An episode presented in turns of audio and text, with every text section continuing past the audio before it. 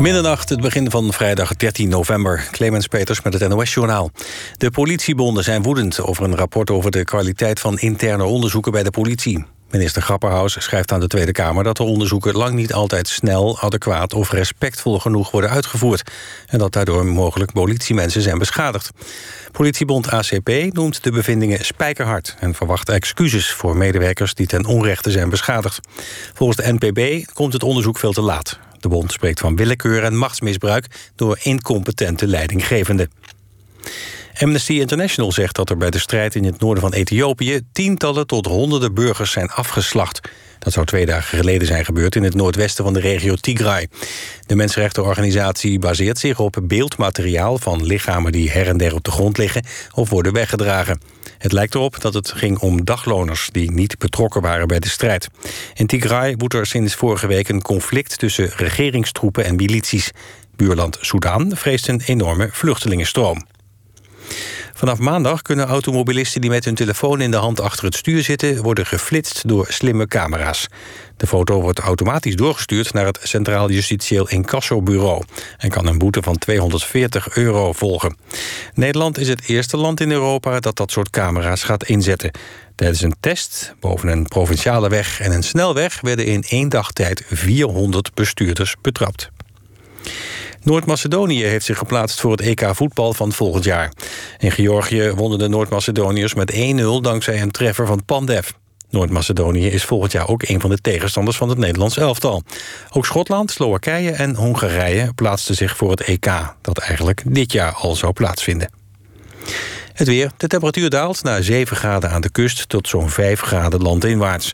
Morgen neemt in de loop van de ochtend de bewolking toe... en dan kan er wat regen vallen. De temperatuur loopt op naar een graad of 13. Dit was het NOS Journaal. NPO Radio 1. VPRO. Nooit meer slapen.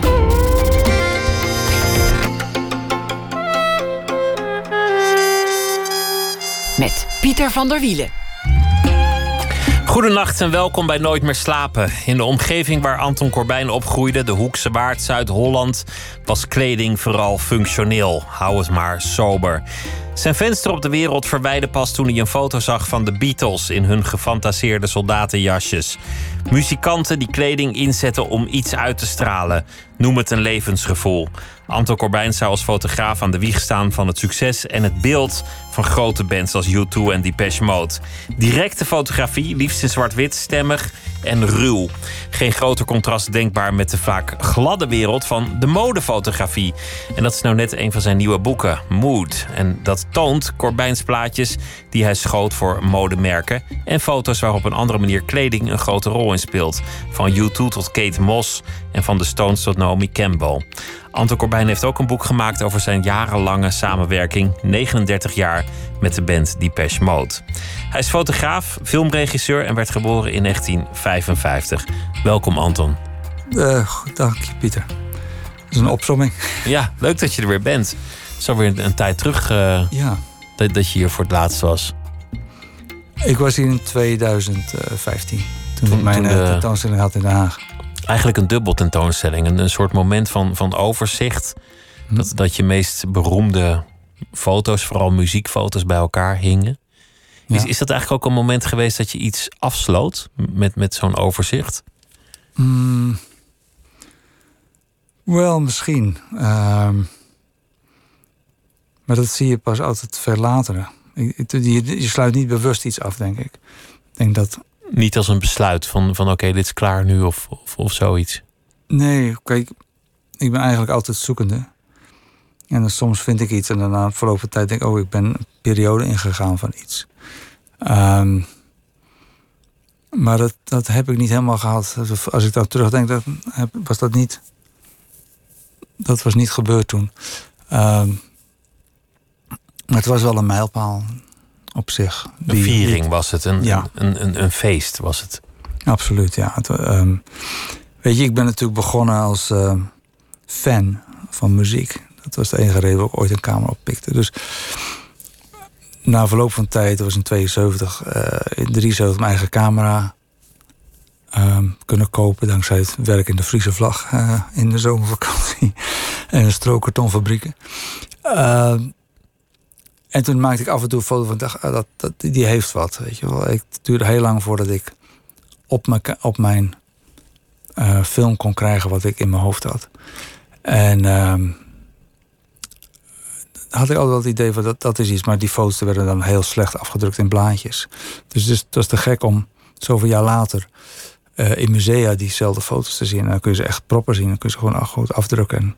Mooi opgangen in mooi licht en, in mooie dingen. Want, want dat zou je vergeten, dat poptijdschriften in de jaren 70, maar ook een groot deel van de jaren 80 vaak op een soort krantenpapier werden afgedrukt. Ja, absoluut. En foto's in zwart-wit en dan heel grof korrelig. Ja. En ze gaven ook altijd een beetje af aan je vingers als je er doorheen bladerde. dus, dus niet echt een plek waar je furoren maakt als fotograaf. Nee, dat is moeilijk. En uh, ik ben toen. Uh, kijk, de enige manier waarop mijn foto's gebruikt werden vroeger was heel klein. Dus dan heb ik ze heel grafisch gemaakt, waardoor je oog er nog op zou vallen. Dus het contrast moest groot, het beeld moest heel duidelijk zijn. Ja, dan zie je het tenminste nog. Precies, ja, dan viel het nog een keer op. Ja. Het, was, het was ook een beetje punk. Ik bedoel, de punk had een bepaald geluid waarin het wat minder virtuoos en wat minder gelikt moest zijn. Een soort reactie op alle bands daarvoor. En in de fotografie kreeg dat ook zijn weerklank. En, en misschien dat dat bij jou ook wel was, die do-it-yourself mentaliteit. Ja, absoluut. Zonder nou te zeggen dat ik was punk of zo. Maar die doe-it-jezelf mentaliteit, ja, die, die kwam gewoon omdat ik uh, geen geld had om op een andere manier te doen. En ik, uh, ik was ook ik was zoekende, maar ik wou heel graag toen de tijd bij de muziek horen. En fotografie gaf me die kans. Dus ik. Uh, om de muziek alles, alles wat mogelijk was om er maar bij te kunnen horen.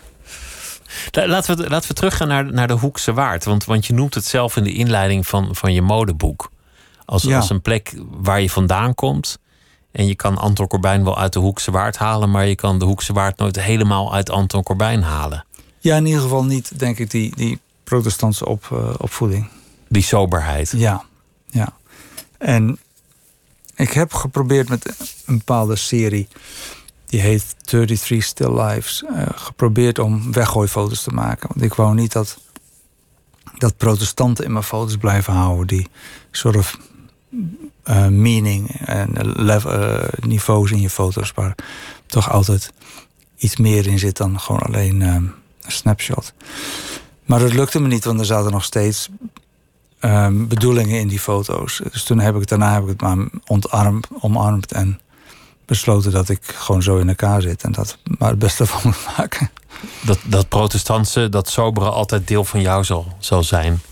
Je, je ja. hebt best wel, best wel dingen gedaan die, die eigenlijk alles behalve protestant zijn, alles behalve sober, hele barokke beelden. Ja. Dat, dat, zit ook in het boek over kleding, dat je de, dat je de Rolling Stones um, grote hoeden geeft, of, of hele uitbundige outfits, of, of travestie of wat dan ook. Ja. Maskers heb je heel veel meegewerkt. Ja, bij mij is het volgens mij of het is vrij realistisch wat ik doe, of er zit zo'n uh, schoolcabaret of theater in. Dat, dat, ik geloof dat, dat ik veer tussen die twee dingetjes in. Maar dan, dan nog, zelfs al ga je helemaal los, dan, dan, dan blijft er toch iets van soberheid in die, in die foto zitten. Ja.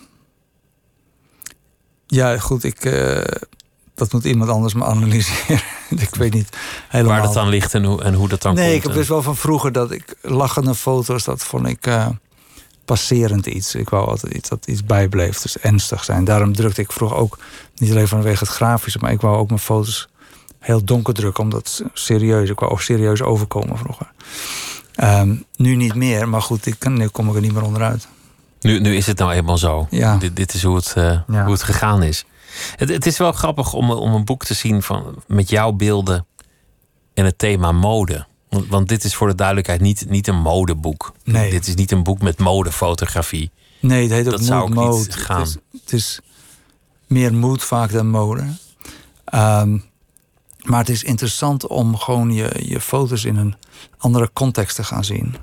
En uh, het gaf me bovendien de gelegenheid natuurlijk heel veel foto's uh, te laten zien die, die mensen niet kennen. Omdat uh, ja, die vielen uit de selecties vroeger. Um, maar die paste hier wel in dit thema. En ik heb over die jaren ook wel wat meer foto's met mode gedaan. Of in ieder geval met stylisten en dat soort dingen.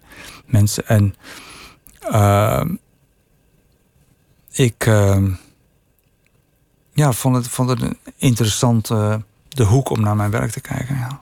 Het is eigenlijk een, een, venster op jouw oeuvre, dit. Door via kleding te kijken, werp je een ander licht op alle dingen die je gedaan hebt. Ja, en het is wat speelser daardoor. Dat vond ik ook wel een plezierig element ervan. Speelser in de zin dat het niet een overzichtsboek is... zoals er al meer gemaakt zijn van het werk van Anton Corbijn. Ja, maar ook, ook de foto's zelf dacht wat, wat speelser af en toe. Wat losser.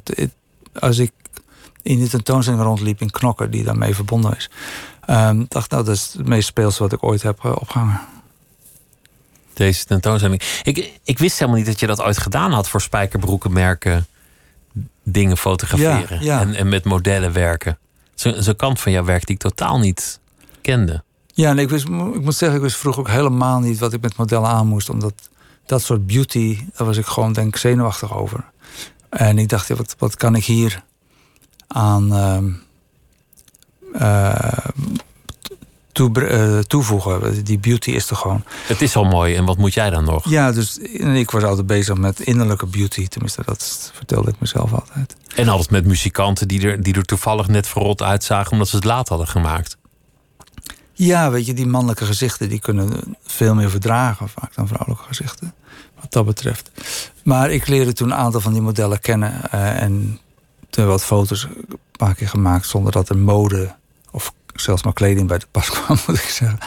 Um, en ik werd toen veel meer relaxed over. Maar het begin van de jaren 70 was natuurlijk heel mannelijk eigenlijk, de hele instelling.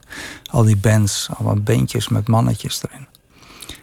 Um, dus ik fotografeerde vanaf het begin vrij weinig vrouwen. Daardoor ook.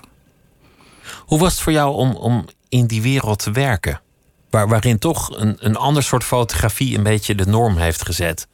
Vaak, vaak heel erg gepolijst, heel erg mooi uitgelicht, ja. heel, heel technisch. Nou, dat, dat komt inderdaad voor bij motorfotografie. Maar er zijn, er zijn heel veel verschillende soorten fotografen. Dus er zijn ook snap, snapfotografen al, en hele mooie technische fotografen en moodfotografen. Die zitten allemaal in die mode. Dus het is eigenlijk een vrij interessante hoek.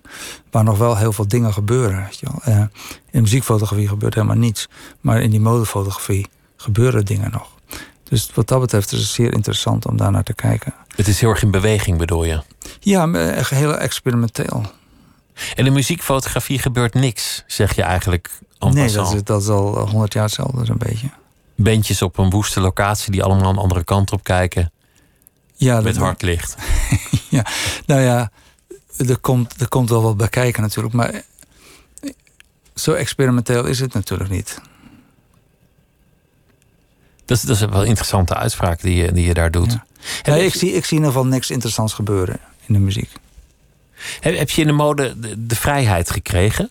Was het, was het anders qua productie om, om met die huizen samen te werken en met die bureaus? Nou ja, ik, ik heb heel weinig campagnes eigenlijk gedaan, dus ik hoef niet zo heel veel met die huizen samen te werken. Maar... Twee, twee grote eigenlijk heb je aan meegewerkt, of min of meer grote. Ja, uh, maar ik moest heel erg aan wennen dat, dat je op kleding moest letten. En nu let ik niet meer op de kleding zoveel. Ik let meer op de persoon. Maar in het begin werd ik uh, ja, verward eigenlijk door het feit dat je kleding moest, zou moeten zien. En uh, toen werd het een beetje netjes wat ik ging doen. En nu, nu heb ik zoiets van, nou, ik, die kleding is gewoon ondergeschikt aan wat ik doe. Die kleding staat er toch wel op. Laten we maar een mooi beeld maken, een mooie foto en ja, een sfeer scheppen. Dat is veel, veel interessanter, ja. En dan komt die kleding vanzelf wel tot zijn recht. Dat is eigenlijk een heel moedige keuze die je daar aan maakt. Dat je niet bezig bent ja, met Ja, maar het is de enige manier waarop ik een beetje mezelf kon zijn, dacht ik. Dat, dat is volgens mij een van jouw kerncapaciteiten om altijd in je werk door alle jaren heen, in alle contexten, jezelf te blijven. Misschien ook, misschien ook wel een protestantse waarde. Ja, ja, wellicht. Weet je wel. Om, om Kijk, heel, ja, Ik heb ook nu zoiets van eh, welke situatie ik ook terechtkom met wie dan ook. Of waar, en, en wat voor lichtomstandigheden. Ik, ik heb er totaal geloof in dat ik met een foto terugkom. Die bruikbaar is. je hebt nooit stress van, van het is hier te donker, het is hier te licht, mijn, ja, mijn tuurlijk, camera maar goed, dat is. Je gaat positief gebruiken. Je gaat, ik, kom hier, ik kom gewoon met een foto terug. Ik, ik ga dit laten werken. Weet je, ik ben vrij. Voor iemand die eigenlijk vrij pessimistisch is, ben ik vrij positief als ik, als ik met mijn werk bezig ben. Het zal lukken. Is, is het zelfs mislukt? Ben je wel eens thuisgekomen? Want tot voor kort werkte je nog altijd analoog. Dus Ja. dan, dan pas in de doka kom je erachter dat je misschien wel helemaal niks hebt. Ja, ik, ik maak alle klassieke fouten en ik maak ze nog steeds. Maar ik had vroeger wel eens twee keer het filmpje in de, eh, hetzelfde filmpje in de camera gehaald. Dus dan krijg je meerdere beelden over elkaar Ja. eigenlijk. Ja. Ehm, dat, inderdaad, dat, dat is het effect wat je krijgt. Ik ehm, heb ooit die greatest hits van de Eurythmics zou ik eh, doen. Toen waren ze al uit elkaar en ze zouden nog één keer, want ze konden niet zo goed met elkaar opschieten. Bij elkaar komen voor een fotoshoot, hadden ze mij gevraagd. En ik had toen een tijd, was ik heel erg bezig met het fotograferen met een zaklantaarn. En ehm, dus dat doe je in totaal donker. En dan eh, je laat je kamer openstaan en je eh, gaat met je zaklantaarn eigenlijk eh, verven, eh, schilderen met licht. Weet je. Maar je kunt dus niet gelijk zien hoe dat werkt. En ehm, dat zeg ik pas later. Dat, de gezichten waren heel lelijk geworden. En eh, ze hebben die foto's ook niet gebruikt. En ze hebben ook de fotoshoot niet over willen doen. En een foto gebruikt uit een video. Als cover voor de greatest hits. Dus dat was echt een Dat is wel eh, een nederlaag. totale... Ja, dat was heel dom. Ik nam veel te groot risico. Hoe, hoe doe je dat dan? dan? Dan kom je erachter van ja, ik, ik heb eigenlijk niet het goede licht. En het is eigenlijk geen, geen goede foto. Bel je dan op van sorry? Ja, en kijk, weet je, als je nu met die digitale techniek, als zelfs als uit analoog fotograferen, zelfs met dezelfde negatieven, kan ik nu negatieven bij elkaar zetten en had ik wel een goede duo-foto gehad. Maar dat ging toen niet. maar het, het is, ja. het is een risico nemen en meestal, meestal eh, usually it pays off als je risico's neemt. Maar die, die tijd, die keer niet. Risico's maken het vaak beter. Dat je het ook voor jezelf spannend maakt. Absoluut. Weet je, absoluut. Dat je heb vertrouwen ook- hebt, maar toch springt. Ja, ik heb ook in mijn, in mijn werk ook verschillende series gemaakt om gewoon het spannend voor jezelf te houden. Weet je. Nadat mijn eerste boek uitkwam, heb ik andere camera, ben ik andere camera gaan gebruiken en vooral in eh, Californië gaan fotograferen. Omdat ik ander licht wilde gebruiken en ander, andere manier weer naar eh, composities zou, willen kijken. Er, is ook net een boek verschenen, eh, nu al niet meer te krijgen, want het is een hele mooie uitgave over al het werk wat je samen met Depeche Mode hebt gemaakt. Dat is een samenwerking van 39 jaar. En, en, en wat, wat mooi is aan die foto's is dat je daar ziet hoe, hoe wederzijds de relatie is tussen muzikant en fotograaf. Omdat, omdat het een band was die, die vroeger ja, eigenlijk een, een beetje gebrek aan imago had voordat jullie elkaar ontmoetten. Ja, of in ieder geval een slecht imago hadden. Ja, tenminste visueel. Ja, ik heb ze één keer ontmoet in eh 81. Dat, toen werkte ik voor de New Musical Express. En ik was een hof, oh, ja, topfotograaf, zou ik maar zeggen. En dus elke week had ik heel veel te doen. En een van die jobs was een keer Depeche Mode voor de cover. En dat was dan, wat ik vond, een teeny pop bandje. Dus eh, daarna hadden zij eh, mij gevraagd nog voor hun te fotograferen een paar keer toe. Ik heb altijd nee gezegd. Dat is gewoon helemaal niet mijn muziek, die, die bubblegum. Ehm, en toen in 86 hebben ze gevraagd of ik een video wilde doen. Maar de stipulatie was dat ik in Amerika moest filmen. En ik had toen de tijd nog nooit een video in Amerika gemaakt. Dus ik maakte niet uit wie me had gevraagd. Ik had gewoon ja gezegd. En, ehm, en toen bleken ze die video goed te hebben gevonden. En negen maanden later belden ze me weer om... waren ze bezig met een nieuwe plaat of ik nog eens een video wil maken. En toen is het eigenlijk via video's is het, is het, eh, de samenwerking begonnen. En toen deden ze wat fotootjes voor een tourboek. En toen was wat fotootjes voor dit. En, en in, eh, op het laatst deed ik gewoon alles voor ze wat visueel was. Dus eh, ik ontwierp de podia. Ik deed de films die je zag als je naar, de, naar het optreden keek. Ik ontwierp de hoes. Ik ontwierp hun logo's. Ik eh, deed de video's en alle persfoto's. Dus zij hebben hun, hun visuele imago aan, aan jou te danken. Wat, wat die band eindelijk een smoel gaf. Ja. Maar, maar voor jou zijn ze belangrijk geweest omdat jij in heel veel ambachten kon groeien. Waar je, waar je nog niet geweest was. Zij waren ideaal canvas voor mij. Gewoon om, weet je, als je kijkt naar die Super 8 eh, video's die deden voor die prijs van eh, Personal Jesus of ehm, Enjoy the Silence. Dat, dat was echt eh, heel progressief. En die kreeg je dan gewoon op MTV overal. Dat was een doorbraak. Het was echt een contrast met wat er in die tijd gemaakt werd. Om- Ja. om- omdat het er toch weer wat straffer uitzag. Ja, en, en het was net, mijn foto's was heel korrelig. En het was. Weet je, we maakten voor onder de 20.000 eh, pond maakten wij die video's. En dan gingen we wel naar Spanje of Portugal om dat te filmen. Het was super goedkoop. Is, is dat nog steeds zo intuïtief als het in het begin was? Want je zei als fotograaf, ik ging de muziek achterna. Ik, ik zocht gewoon een manier om dichter bij de muziek te komen. En, en dat je dan fotograaf werd bij besluit, zonder, zonder echt een heel grote opleiding of zo. Later maak je clips, shows, logo's, uh, speelfilms. Is, is dat altijd op die manier gebleven? Dat, dat je een beetje vertrouwen hebt en een beetje moed, durf? Ja, en het, ja, moed en durf zijn essentieel geweest. Discipline is essentieel geweest. Uh, en je, je moet dan een beetje het idee hebben natuurlijk. Je, waar je heen wil. En uh, als ik een project begin, kan ik me vrij goed inleven, denk ik, daar in, dat, in het project. En probeer ik iets te maken wat ik zelf zou willen zien. En of, wat ik ook altijd heb gezegd, is dat je, weet je, mensen noemen dat iets wat je doet, je stijl. Maar dat is eigenlijk je onkunde om het anders te doen. Dus dat is die inability to do it any other way, dat is je stijl. Stijl is eigenlijk een tekortkoming. Een tekortkoming die je tot je kracht hebt verheven. Ja, en dat, dat is een beetje mijn insteek ook vaak. Dat je gewoon uh, uh, disadvantages toen advantages moet maken. Toen, toen jij begon als fotograaf in de jaren zeventig... waren het eigenlijk heel ander soort fotografen... die wereldwijd op het zadel werden geheven. De, de, de, grote fotografen. in Nederland had je, had je Huff bijvoorbeeld. Oh ja. Dat, dat, maar dat is allemaal, allemaal heel, heel mooi. ja, maar goed, maar je had ook Willem Diepraam en zo, weet je. Dus die voor Vrij Nederland zo fotografeerde. En, en uh, hoe heet het, Bert Nienhuis en zijn een aantal mensen die heel erg documentair bezig waren. En dat heeft wel invloed gehad op hoe mijn foto's eruit zien. Dat directe, dat, dat snelle ja, eigenlijk. En dat is hele harde zwart-witte. En, en dat indrukken van de, van de lucht en dat soort dingen. Ja, je werkt altijd heel snel. Als je, als je een foto maakt, dat heb ik in, in de documentaire gezien, dan is het niet dat je, dat je een hele dag op pad bent met die mensen. Nee, nee, meestal is het vrij kort eigenlijk. Omdat ik uh, vrij snel mijn beeld eigenlijk heb. En dan vind ik het onzin om dat, uh, met uren te rekken. Je weet wat je wil, je komt het halen, je hebt vertrouwen dat het goed is. En dan ja. uh, kunnen we weer gaan. kijk, ik, ik, doe natuurlijk heel veel andere dingen tegenwoordig dan muziek, muziekmensen. Maar ik ga ook bijna nooit op tour, zelfs niet als ik de tour ontwerp. Dan ben ik bij de rehearsals. En, want die maakt die dingen heel lang van tevoren natuurlijk.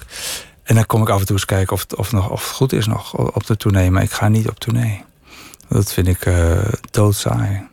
Dus dat is helemaal niet dat soort leven wat ik beoog. Dus je bent ook je eigen verveling aan het voorkomen? Ja, absoluut. Ja. Voor een groot deel. Ja, je bent gewoon uh, een, uh, een fifth wheel, weet je. Je, je, je hebt verder, uh, je, je, kijkt naar als er wat dingen veranderd moeten worden, dan geef je dat door. En anders ga ik gewoon weer weg. In de Hoekse Waard moet toch vrij veel verveling voorradig zijn geweest voor een jonge man? Ja, misschien. Ik was ook een beetje een, een, een dromer, geloof ik. Ik geloof niet dat heel veel uit mijn handen kwam ehm, toen ik jong was. En ik uh, ik had van die verstopplekjes waar mensen mij niet konden vinden en zo. Maar verder werkte ik wel op de boerderij. Ik woonde tegenover een boerderij, daar was ik heel veel. En um, dat natuurlijk heel veel buitenspelen. Weet je wel. Dat was fantastisch op mijn dorp. Ik had een kano, ja. Was je verlegen? Ja, ik was super verlegen, ja. Dat, dat gaat nooit helemaal over. Maar dat, het grappige is, dat is eigenlijk de reden waarom ik fotograaf ben geworden. Omdat uh, ik wilde naar een optreden toe wat in Groningen was. En we waren net verhuisd naar Groningen in de zomervakantie. Dus ik kende helemaal niemand nog, want ik was nog niet naar school geweest. En de groep Solution trad op en die vond ik heel goed. Die traden gewoon op in de middag op de grote markt. Maar daar durfde ik dan niet goed alleen heen, omdat ik niemand kende. Dus toen heb ik mijn vader gevraagd of ik een camera mocht lenen.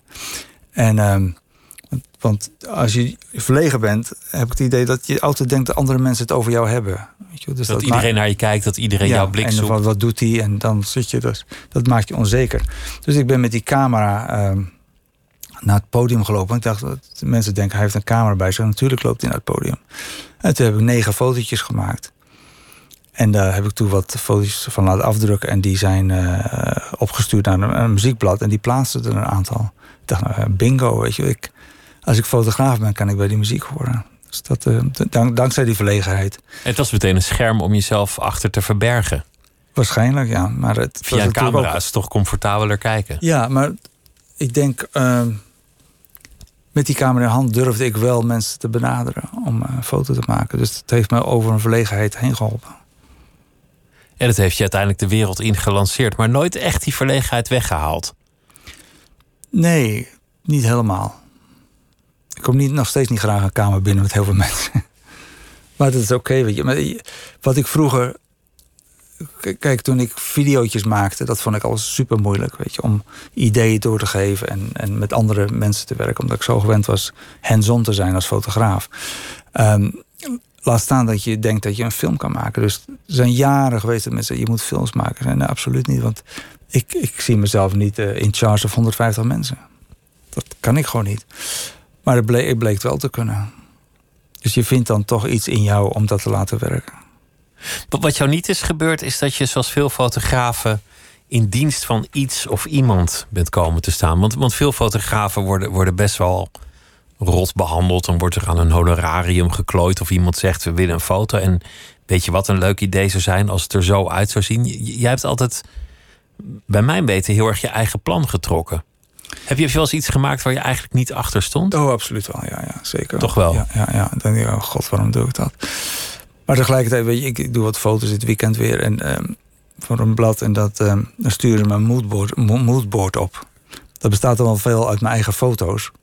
Maar ja, ik denk, ja, moodboard, ik maak gewoon mijn foto's. Ik, dus schuif ik gewoon opzij. Daar kijk ik niet, niet verder Dan sturen ze jou een moodboard van je eigen foto's... en dan gaan ze jou uitleggen hoe je een korbijn maakt. Ja, bijvoorbeeld. Vast lief bedoeld, maar... Je, ja, nee, maar mensen blijken... Die onzekerheid is er zo. Dat ik, toen, toen ik in de 70 jaren fotografeerde... had nog niemand ooit van een moodboard gehoord. En nu komen alle bladen met moodboards aan. Ja, dat leg je naast je neer, vind ik. Toen je, toen je film ging maken, was denk ik één geluk dat, dat je eerste film toch ook over muziek ging. En dat, dat het qua sfeer ook wel paste bij ja. wat jij in fotografie altijd al deed. Ja, maar dat was ook de enige reden waarom ik een film durfde te maken. Omdat ik wist dat ik hier iets van wist. En ik over Ian Curtis en ja, Joy Division. ik had ontmoet en er was een emotionele laag voor mij eh, aanwezig. Waardoor ik dacht, wat, wat ik uh, waarschijnlijk mis in, in, in kennis van, van het regisseren van een film... Uh, heb ik dan in emotionele waarde heb ik dat. En dan, dat, ja, ik, als ik dan ooit een film moet maken, zal het wel deze film moeten zijn. Zo, zo, zo keek ik ernaar. Want niemand anders kon die film feitelijk maken met, met die betrokkenheid. Of dan niet nee, veel mensen. Ik denk, ik denk niet met die emotie ook. Weet je, want ik was natuurlijk ook voor Joy Division naar Londen verhuisd. En dat was, ja, dat, dat, dat, dat hele verhaal van uh, naar Engeland gaan zat er ook achter voor mij. Die, die film als ik zeg dat de Hoekse waardstraf is, dan, dan was die, die sfeer in die film van Groot-Brittannië in die tijd nog, nog vele malen straffer. Eigenlijk, eigenlijk ook wel een heel destructieve tijd. Ja, maar het, was wel, het is wel heel erg uh, werkelijk weergegeven, moet ik zeggen, in die film. Want ik herinner me nog, toen, toen, ik in Engeland kwam... en dan moest ik dus ook veel fotograferen voor die NME... had je heel vaak, ging met de trein naar Liverpool, Manchester, Leeds, uh, Sheffield, noem maar op. En de, soort derde wereldachtig gevoel krijg je als je naar die steden ging in de trein. Want in de trein zie je al de achterkanten van die huizen en zo. Dat was zeer deprimerend. Dat kenden we in Nederland helemaal niet. En niemand had werk? Althans in, in die nee, film. dat was die Thatcher-jaren. Weet je, dat begon in 79. Dus dat was uh, ja, al die rellen die je had. Uh, de Falklands War. Um, dat was heavy, ja. Wat, wat, wat, wat aangrijpend is in die film... Is, is dat heel veel mensen het uiteindelijk ook gewoon niet gered hebben. Dat, dat, dat zo'n zwart, uitzichtloze situatie mensen ook gewoon fataal kan worden. Ja, als mensen geen hulp krijgen, dat is uh, zeer moeilijk om aan te zien. Hoe, hoe, kijk je daar voor jezelf op terug? Want jij zat er ook middenin. Je had je camera en, en, uh, en misschien ook wel je, je intuïtie bij je. Maar ja. je zat er toch diep in. Ik zat er diep in, ja. Uh, ja, ik heb heel veel geluk gehad, denk ik. Ehm, Weet je, want ik, uh, ik heb me daar ook gewoon in het leven geprobeerd te storten als fotograaf. En dat was ook gewoon. Ik keek altijd uit naar mijn volgende foto en dat, dat brengt je gewoon weer een dag verder. Gewoon werk, uiteindelijk. Ja. ja. ik heb er ook in een kraakpand gewoond. Dat was allemaal minder. Eh, maar als je jong bent, dan doe je gewoon wat dingen om ergens te komen. Um, ik sta in een kraakpand, maar ik fotografeerde wel David Bowie en Mick Jagger en al die mensen. Um, het was een hele, hele ja, actieve tijd en toch ook wel heel leerzaam en positief. Kijk, Bowie en, en, en Jagger waren toen natuurlijk al meer dan wereldberoemd. Ja. Maar veel van die artiesten die waren toen eigenlijk gewoon nog niet niet, niet zo groot zoals ze nu zijn. Nee, dat, dat, dat is ook natuurlijk het mooie met bijvoorbeeld U2. Dat is nu zo'n hele grote band, maar in 82 was dat nog niet. Toen zijn wij begonnen samen te werken. Had je, had je ooit het idee, we zijn met iets heel groots bezig? Nee, nee, had ik niet. Zelfs niet toen de, de Joshua Tree aan het maken waren. In Californië? Ja. Dat werd pas toen de plaat uitkwam en die foto's op zulke gigantische billboards verschenen. Dat ik een, een afstand voelde tussen die foto en het feit dat ik hem had gemaakt. Weet je. Dan, dan reed je in je auto en dan zag je ineens jouw foto opgeblazen op billboardformaat. Ja, echt, maar hele grote billboards hadden ze toen. Dat, dat uh, dacht ik, oh. Ja. Maar uh, ja, alleen maar goed natuurlijk. Maar het, het, was, het was een vervreemding ergens. Ja. Iets wat, wat heel erg underground was of, of heel klein begonnen was ineens. Ja, want alles was altijd in je handen in de donkere kamer. Je maakte het, jezelf, je maakte het allemaal zelf. En het was echt uit mijn handen gehaald toen. Ja. Dat, dat was gewoon uiteindelijk een, een kleine productie. Ik bedoel, jij ja. en de band in een busje in de woestijn. Veel, veel meer zal het niet geweest zijn. Nee, dat, dat klopt. Uh, er waren wel wat mensen bij, want U2 houdt van heel veel mensen om zich heen. En dat begon toen al.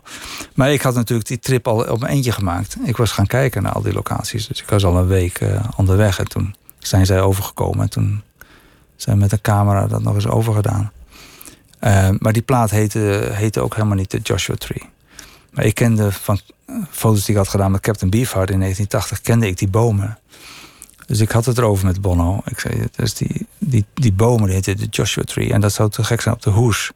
En dan maak een foto. Ik had zo'n camera, zo'n landschapcamera. Maak een foto dat die, die boom voorop staat en jullie achterop. Dus één, als één foto. Nou, de volgende ochtend kwam hij naar beneden met de Bijbel in zijn hand. En zei ja, de Joshua Tree. We moeten een, Joshua Tree gaan zoeken. En dan kon ik dat blijkbaar ook niet goed uitspreken. Ik zei het fout, de Joshua Tree. Dus dat vond ze altijd hilarisch. Dus toen is die plaat zo gaan heten. In plaats van The Desert Songs of uh, The Two Americas. Dat waren de twee werk, werktitels toen tijd. Want dat was eigenlijk het thema van, van de plaat. De, de, twee Amerika's. Ja, klopt, het, het, het, rechtse Amerika van, van Reagan. En het, het Amerika van de vrijheid en de mogelijkheden. En, en dat soort. Uh, ja, nog steeds heel actueel. Ook de Ieren die naar, die naar Amerika gaan. Ja, dat is nog steeds heel actueel. Ja, klopt. En die foto's zijn niet geschoten in, in de Joshua Tree Park, waar, nee. waar nu nog steeds honderden rock'n'roll toeristen naartoe gaan om te kijken of ze zelf die foto van elkaar kunnen maken. Ja. Het is niet de plek. Nee, de, de, de, kijk, de Joshua Tree National Park staat vol met die bomen.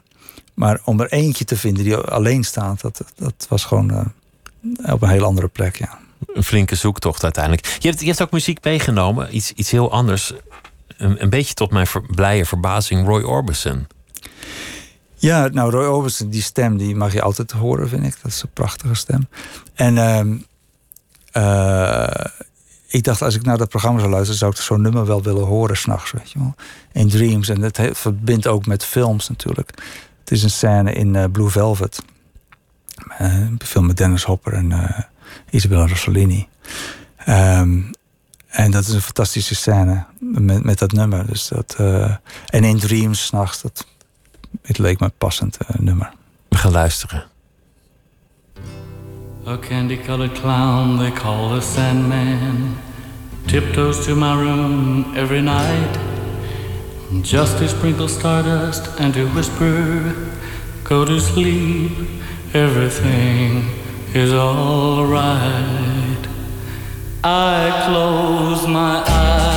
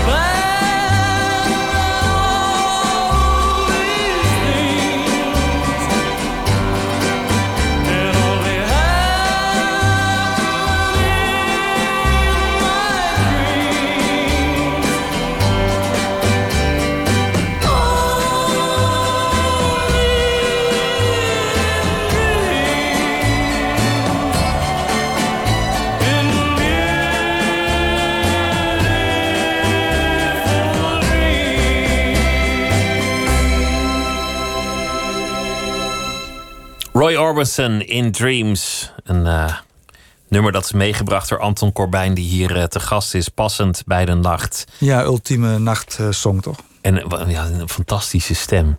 Ja, Tu- tussen, tussen zingen en huilen en, eh, ja. en het leven vieren. Prachtig, prachtig. Maar we hadden het over de Hoekse Waard, waar het allemaal begon. En je reisde de muziek achteraan. En omdat je verlegen was, dacht je... een camera is misschien ook een wapen... als ik, als ik me in gezelschap begeef... om een soort functie te hebben. Functionaliteit boven alles, ook in het persoonlijke. En je ging de muziek achteraan als een fan... wa- wat je in essentie in veel opzichten nog steeds bent. We hadden het ook over optimisme. Je zei, ik heb een pessimistisch wereldbeeld... maar ik ben in mijn werk optimistisch. Ik weet dat ik met een mooi beeld terug zou komen. Soms lukt dat niet, maar meestal wel. Je moet erin geloven. Daarom ook niet zo'n sessie te lang laten duren. Maar gewoon zorgen dat er een zeker element van spanning blijft. Weten wat je wil, dat komen halen Ja, en erop af. En natuurlijk dat vertrouwen ook opwekken bij degene aan de andere kant van de camera. Het is natuurlijk wonderlijk dat je, dat je Mick Jagger mascara kan laten dragen... of, of mensen maskers op kan laten zetten... of eh, hoeden of wat voor, wat voor idee je ook bedenkt... Dat, dat mensen uiteindelijk dat wel ja, het is, vertrouwen. ja. kijk, ik, mijn, men ziet mij als een hele serieuze fotograaf. Dat ben ik natuurlijk ergens ook. Maar ik ben veel speelser dan mensen denken. En dat, die elementen die komen in het boek veel meer tevoorschijn. Waarop ja, een beetje verkleden of eh, grappig doen. Of, Het is heel frivol eigenlijk. ja, Op de een of andere manier komen die foto's toch wel serieus over.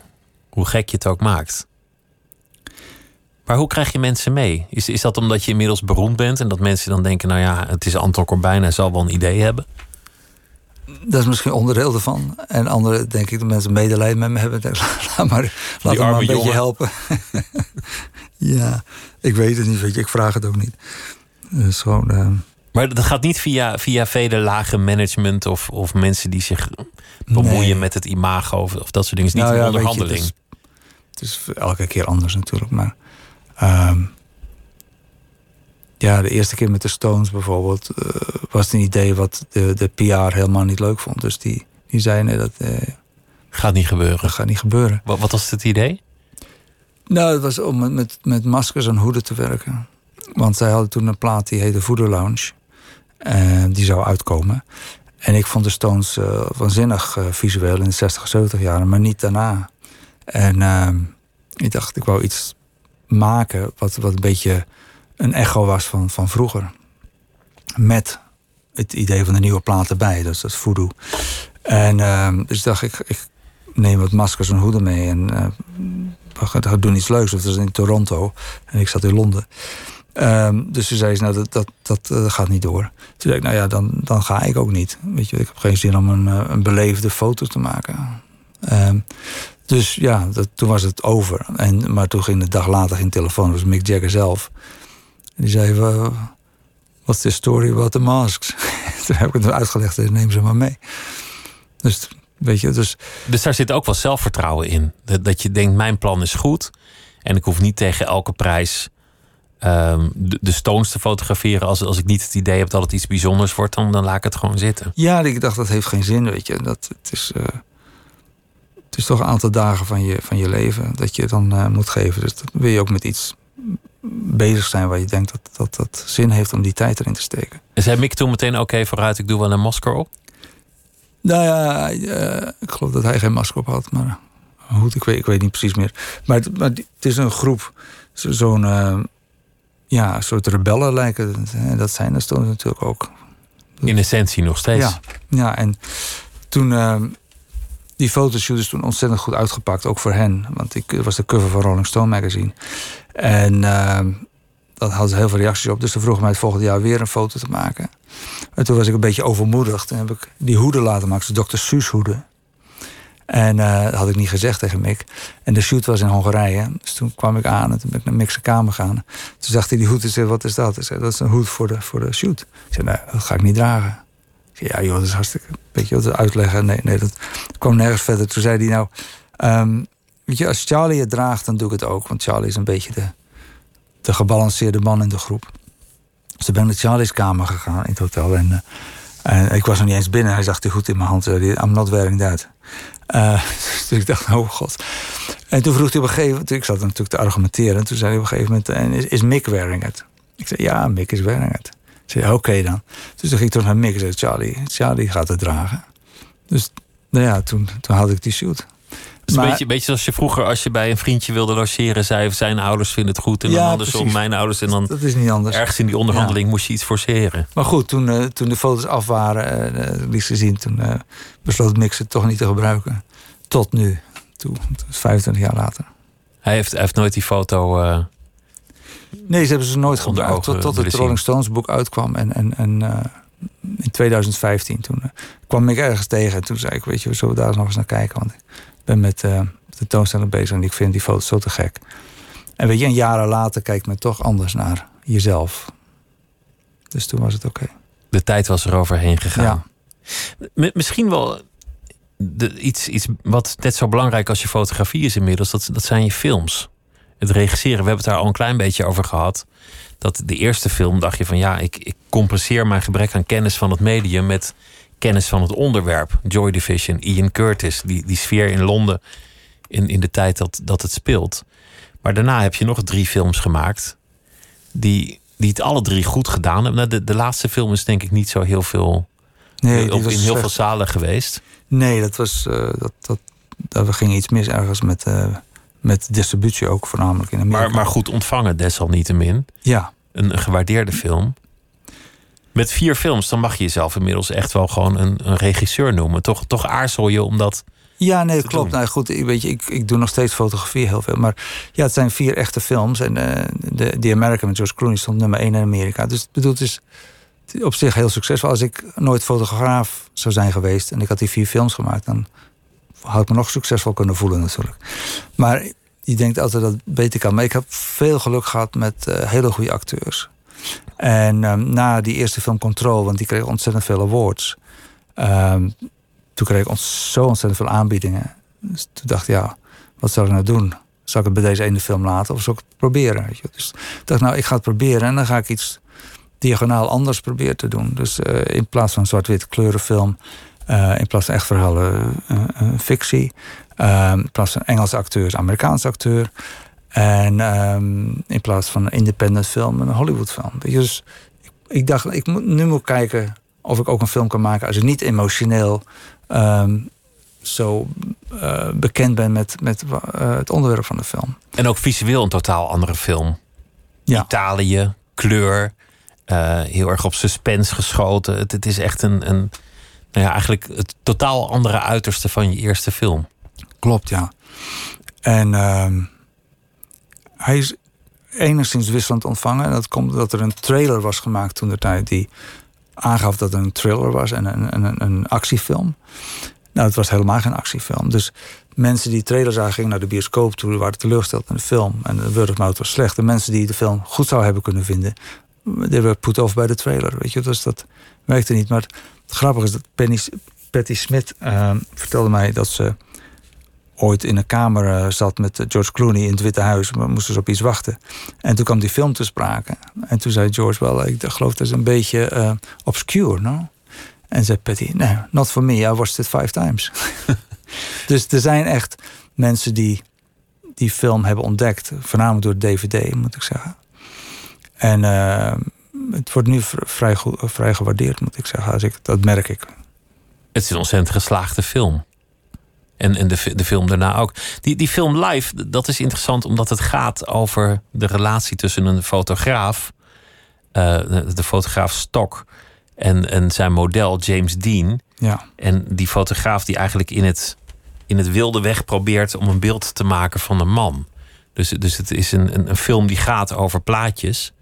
Waarbij de grote verleiding zou zijn geweest om, om het plaatje tot leven te wekken. En dat is nou net de val waar je niet in bent gestapt. Nou ja, we hebben wel die ene scène gedaan natuurlijk... waar eh, op Times Square, waar die beroemde foto van James Dean... van Dennis Stock, waarop hij met een sigaret in zijn mond eh, door de regen loopt. Maar dat is eigenlijk de enige die je echt helemaal geanceneerd hebt. Ja, want dat was zo'n beroemde foto, dat kon er gewoon niet onderuit... want dat, dat is de Dennis Stock foto zo'n beetje. Eh, maar ja, ik vond het interessant toen om een film te maken... met een verhaal over een fotograaf die iemand fotografeert... in de, in de you know, pub- public arena. En dat was dan James Dean. Omdat ik natuurlijk zelf eh, ook in die situatie zit. Ik maak eigenlijk altijd foto's van mensen... Die al bekend zijn. Ja, of in ieder geval die iets maken waardoor je eh, een access, een, een toegang hebt tot hun, hun denken eigenlijk. Wat, wat fascineerde je zo aan dit verhaal? Ehm, ja, dat was eigenlijk die fotograaf met, met James Dean. En ehm, James Dean was zo'n icon om dat nog eens tot leven te brengen. En hij, hij overleed in het jaar dat ik geboren ben, dus dat vond ik ook wel interessant. En ik ehm, ja, was toch, denk ik, heel erg aangetrokken aan het, aan het verhaal van een fotograaf. Wa- Wat, wat zit er van jezelf in die film? Omdat het toch over je eigen métier gaat. Ehm nou, ik moest Rob Patterson afleren te denken dat de camera een digitale camera was. Het moest wel analoog zijn natuurlijk. Hij moest analoog. Ik heb die camera aan hem eh, maanden van tevoren gegeven. En nog waren er heel veel opnames die over moesten... omdat hij, als hij foto maakte, achter op de camera keek. Omdat dat zo'n habit is. Dat, bij de, bij de jonge generatie. gemaakt hebt. Precies, ja. Eh, ja, en het, weet je, het, het zoeken, het... het ehm, ja, het idee van wie heeft het meeste baat bij een foto van, van, van zo iemand. Die, die persoon of de fotograaf. Weet je? Dat is ook altijd wel interessant. Het is een wederzijdse verhouding eigenlijk. Ja, dat hoort het te zijn, ja. Jij hebt Maar- U2 groot gemaakt. In ieder geval voor een groot gedeelte. Zij hebben jou groot gemaakt. In ieder geval voor een gedeelte. Ja, Het, is, ja. het is een volledig wederkerige relatie. Ja, dat, dat klopt. Ehm, en het feit dat ik met sommige mensen heel lang werk... heeft ook maar ermee te maken dat je dus toegang krijgt tot momenten... waar anderen niet kunnen fotograferen.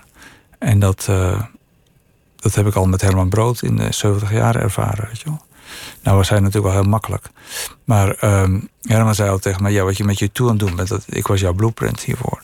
En dat klopt ook. En ehm, ik vind het zeer plezierig dat je niet elke keer jezelf hoeft te introduceren. Dat je onderdeel van de familie bent. Maar inmiddels is het anders. Want jullie zijn bij mij weten ook echt gewoon vrienden. Jullie gaan samen op vakantie. En Ja, jullie komen bij elkaar thuis. En spreken ook af als er helemaal geen camera bij is. ja dat, dat klopt. En dat, dat geldt volgens mij voor veel van die, van die artiesten inmiddels. Ja, ja dat, dat klopt. Maar goed, dat is ook logisch. Als je elkaar niet ligt, dan werk je denk ik ook niet zo lang samen. Verandert dat ook de foto? Als je, dan wordt het bijna familieportretten. Ja, daar, daar eindig je denk ik mee als fotograaf. Dat het is alsof je je eigen vrouw... Nou ja, het is... eh, je moet jezelf wel dwingen natuurlijk om eh, het interessant te houden. Weet je? Dat je niet... eh, dat niet allemaal te gemoedelijk wordt. En... eh, Om het spannend te houden. Ja, om de foto's iets mee te doen. Dat niet van, oh nou, hier staat hij niet zo goed op of daar wel. En dat vind ik niet leuk voor hem of zo, weet je. Dus je moet een beetje onafhankelijk blijven als je fotograaf, eh, fotografeert. Autonoom ten opzichte van dat het niet te gelikt moet worden... of ten opzichte van wat iemand denkt te willen. Maar uiteindelijk gaat het ook, en dat is ook het thema van die film... over het beeld dat je van iemand maakt. Dat je, dat je van iemand een rebel maakt... die misschien helemaal niet altijd zo moedig is, bijvoorbeeld. Dat, dat je denkt van zo zouden we iemand kunnen zien... Maar zo zou je hem eigenlijk ook kunnen zien. En dit is een beeld dat, dat, dat hij zelf misschien niet graag wil zien. Ja. Ja, En andersom kan ook inderdaad. Dus dat die foto's rebels lijken. En dat, dat, hij, zoals je zegt, dat hij het misschien niet is. Ehm Bonner zegt al dat hij vindt dat de foto's die ik maak, daar moet hij in groeien. Nog. Weet je, dat wordt hij. Dat is het, de stip aan de horizon Ja. van wie Bono zou willen zijn. Ja, ja. Dat is een heel groot compliment voor een fotograaf. Ik weet niet. Ik weet niet of hij het gewoon tegen mij zegt... je maakt me altijd oud. Oh, dat kan ook. Dit ben ik over tien jaar. Ja, precies. Dit ben ik over twintig jaar. Ja. Nee, maar er is een maturity naar de foto's die... er soms niet, niet op de shoot eigenlijk is. Maar die is wel in de foto. Geldt het ook voor jou? Kijk jij ook naar je foto's als de man die je gaat zijn? Zie, zie je ook je eigen veroudering of je eigen jeugd in je foto's? Je persoonlijke ontwikkeling? Ja, wel. Enigszins in mijn keuzes meer, denk ik, dan, dan wat dan ook. Omdat, kijk, we hebben het nu al over muziek, maar ik heb natuurlijk ontzettend veel schilders ook gefotografeerd en regisseurs en andere mensen. Ehm, en dat is natuurlijk ook eh, te maken met je belangstelling voor andere dingen. Dat, vroeger Het is niet meer alleen maar rock'n'roll. Nee, dat was het. Dat was echt 70, 80 jaren. Maar dat is, heeft zich enorm ontwikkeld. Ehm dus enorm ontwikkeld, heeft zich ontwikkeld. En ehm, ik volg dat ook. Ik vind het spannender om bij een, eh, een schilder in de studio te zijn... dan bij een, een muzikant in de studio. Maar het gaat nog steeds over bewondering. Er is Ja. altijd een element van, van fan zijn voordat je iemand ja, fotografeert. ik denk dat ik opgroeide met een vrij laag eh zelfesteem. En dat, dat, dat op die manier dat ik altijd naar die dingen heb gekeken. Maar ik moet tegelijkertijd zeggen dat als ik fotografeer... dat ik me altijd op dezelfde hoogte waan. Omdat ik niet naar iemand Dan op is het een kijken. gelijkwaardige verhouding. Maar je, je zou niet zo gauw, vermoed ik, een politicus fotograferen. Nee, minder gauw. Ik heb blij gefotografeerd en, en eh, ja, een aantal. Ja, ehm, Dat wist ik helemaal niet Al dat je dat Gore, gedaan hebt. Al Gore en ehm eh, Haval van, uit, uit de Tsjechische Republiek. En ik ben bij eh, Nelson Mandela thuis geweest en gefotografeerd. Oh ja, die heb ik wel eens gezien trouwens. Maar dat was meer dan een politicus natuurlijk. Dat was een staatsman. Het is echt zoveel dat je gedaan hebt. Dan, dat moet jouzelf af en toe ook wel een beetje benauwen. Van, wat, wat is er nog te verkennen? Waar kan ik eigenlijk nog het ongebaande pad vinden? Ja, maar dan zie je gewoon jonge fotografen bezig en er is zoveel energie dan. En dan denk je, oké, je, het is fantastisch fotografie. Er is heel veel te doen en, en het is zo simpel. Weet je, je hebt gewoon een camera en je, je ziet dingen en je fotografeert het. Ehm, films daarentegen, die duren een jaar, een jaar van je leven. Dus daar ben je heel zorgvuldig mee. Ik zou een film doen dit jaar, maar dat, is- dat is helaas weggevallen. Ehm, Vanwege COVID of om andere redenen? andere redenen. Ja, daar wil ik niet helemaal op ingaan, maar het, had, het was een film die eh, over, over eh, racisme ging. En ehm, er is een beweging die vindt dat je eh, onderdeel van de community moet zijn. Wil je daar iets, een film over maken? Je kan niet als witte man een film over eh, racisme maken, want dan ben je weer kwetsbaar voor eh, verwijten. Ja, daar kwam het op neer. Dat was voor, voor Amazon, toch? Die, Ja, die, ja. die film. Je, je bent inmiddels, want, want, want je maakt nu films. En je zei van ja, een film dat duurt veel langer. En een foto dat is leuk, want dat is altijd lekker snel en Ja. direct. Je bent wel inmiddels digitaal gaan fotograferen. Ja, Nooit gedacht dat ik dat alles, zou meemaken. Niet alles, maar eh, wel vaak. Het heeft te maken met de snelheid waarmee mensen dingen tegenwoordig willen hebben. En ook wel met budgetten. Het is, het is goedkoper.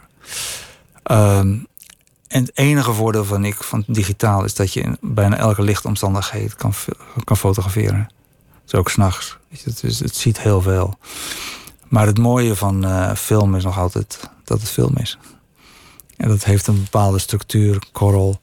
En dat je niet weet wat het is totdat je het hebt ontwikkeld.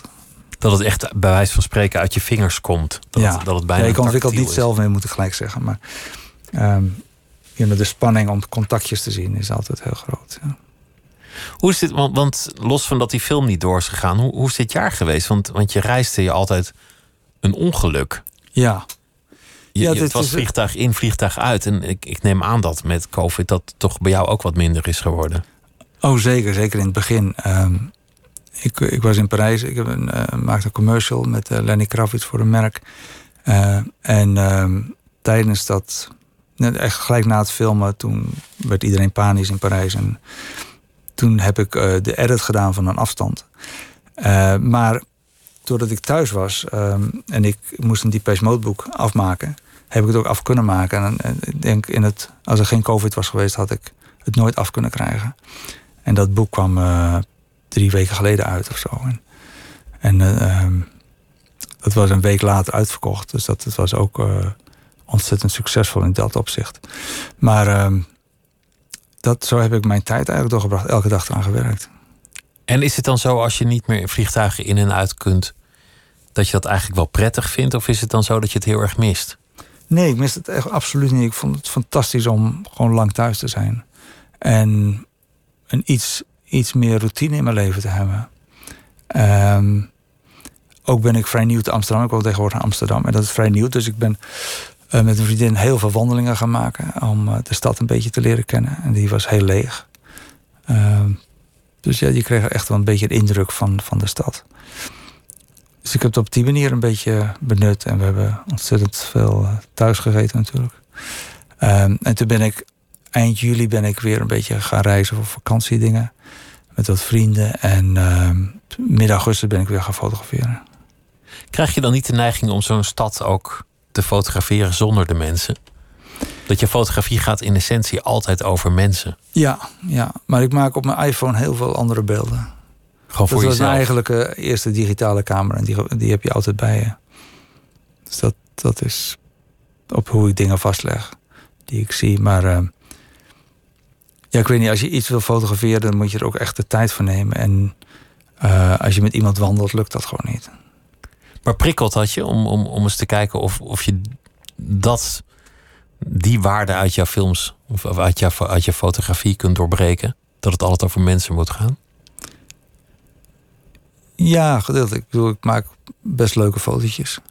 Vind ik zelf met mijn iPhone. Maar eh, ja, ik, ik kijk toch heel graag naar wat mensen maken. En dan eh, ontmoet ik die mensen. Vind ik zeer plezierig. Ik weet dat ik ben naar, eh, Beijing geweest. Ik heb een afspraak gemaakt met de IWW een paar jaar geleden. Toen hij niet weg mocht. En ehm, ik zou daar fotograferen, dus ik kom daar aan s ochtends.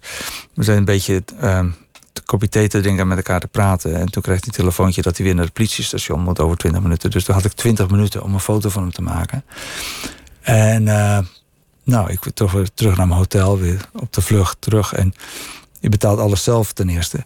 Ehm, maar je gaat natuurlijk de X-rays met die films. En dan, ik woonde toen in Nederland. En al mijn films werden ontwikkeld in Engeland. Dus ik moest dan weer naar Londen toe. Dan heb je bij Liverpool Street Station... moest ik dan mijn ont- ontwikkelaars er ontmoeten. Want die, dat lab was ook weer gesloten.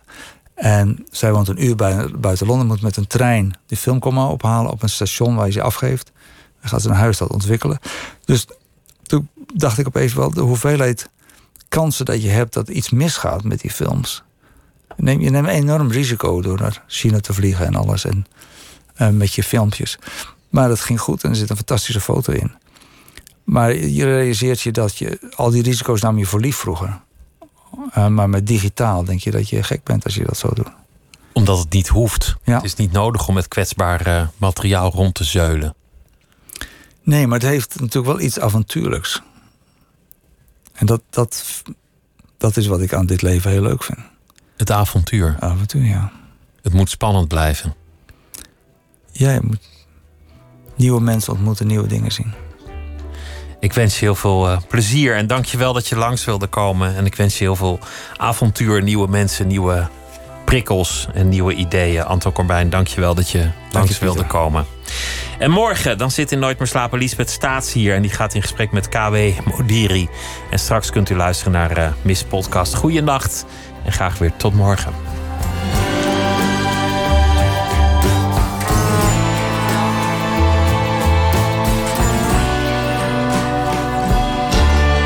Radio 1. Het nieuws van alle kanten.